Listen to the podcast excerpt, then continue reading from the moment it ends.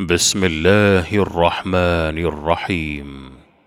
إذا زلزلت الأرض زلزالها وأخرجت الأرض أثقالها وقال الإنسان ما لها يومئذ تحدث أخبارها بأن ربك أوحى لها يومئذ